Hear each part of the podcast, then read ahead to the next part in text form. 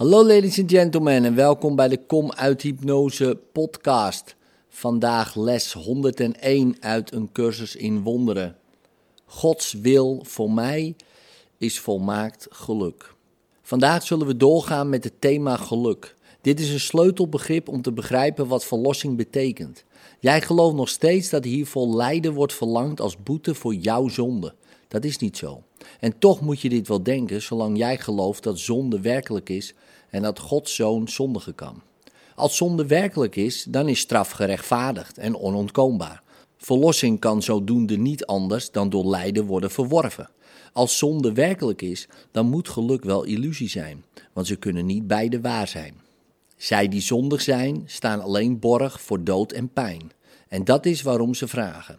Want ze weten dat dit op hen wacht en hen opsporen en vinden zal ergens ooit in enige vorm die de rekening vereffend die ze God schuldig zijn. In hun angst willen ze aan Hem ontsnappen. En toch achtervolgt Hij hen en ontsnappen kunnen ze niet. Als zonde werkelijk is, moet verlossing pijn betekenen. Pijn is de prijs voor zonde. En als zonde werkelijk is, valt er nooit aan lijden te ontkomen. Verlossing moet gevreesd worden, want ze zal doden, maar langzaam. En alles wegnemen voordat ze de weldaad van een welkome dood vergunt aan slachtoffers van wie niet veel meer dan beenderen rest voordat de verlossing is bevredigd. Haar toren is grenzeloos, genadeloos, maar volkomen rechtvaardig. Wie zou zo'n barbaarse straf opzoeken? Wie zou verlossing niet willen ontvluchten en de stem die hem dit aanbiedt proberen te smoren op iedere mogelijke manier? Waarom zou hij proberen te luisteren en haar aanbod aanvaarden? Als zonde werkelijk is, is haar aanbod de dood, toegediend in een vrede vorm die moet passen bij de verdorven wensen waaruit zonde is ontstaan. Als zonde werkelijk is, is verlossing je bittere vijand geworden. De vloek van God over jou, die zijn zoon gekruisigd heeft. Jij hebt vandaag de oefenperiode nodig. De oefeningen leren dat zonde niet werkelijk is en dat alles waarvan jij gelooft dat het wel uit zonde moet voortvloeien, nooit zal gebeuren, omdat het geen oorzaak heeft. Aanvaard de verzoening met een open denkgeest, die nergens de sluimerende overtuiging koestert dat jij van Gods zoon een duivel hebt gemaakt. Er is geen zonde. We oefenen vandaag zo vaak we kunnen met deze gedachte, omdat die de basis vormt voor het idee van vandaag.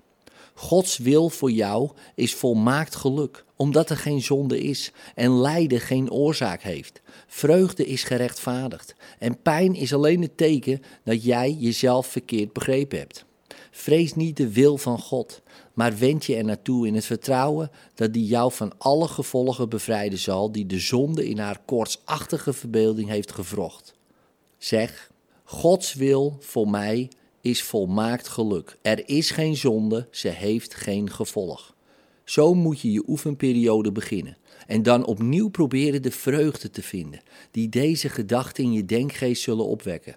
Geef deze vijf minuten van harte om de zware last weg te nemen die jij jezelf oplegt door de waanzinnige overtuiging dat zonde werkelijk is. Ontsnap vandaag aan de waanzin.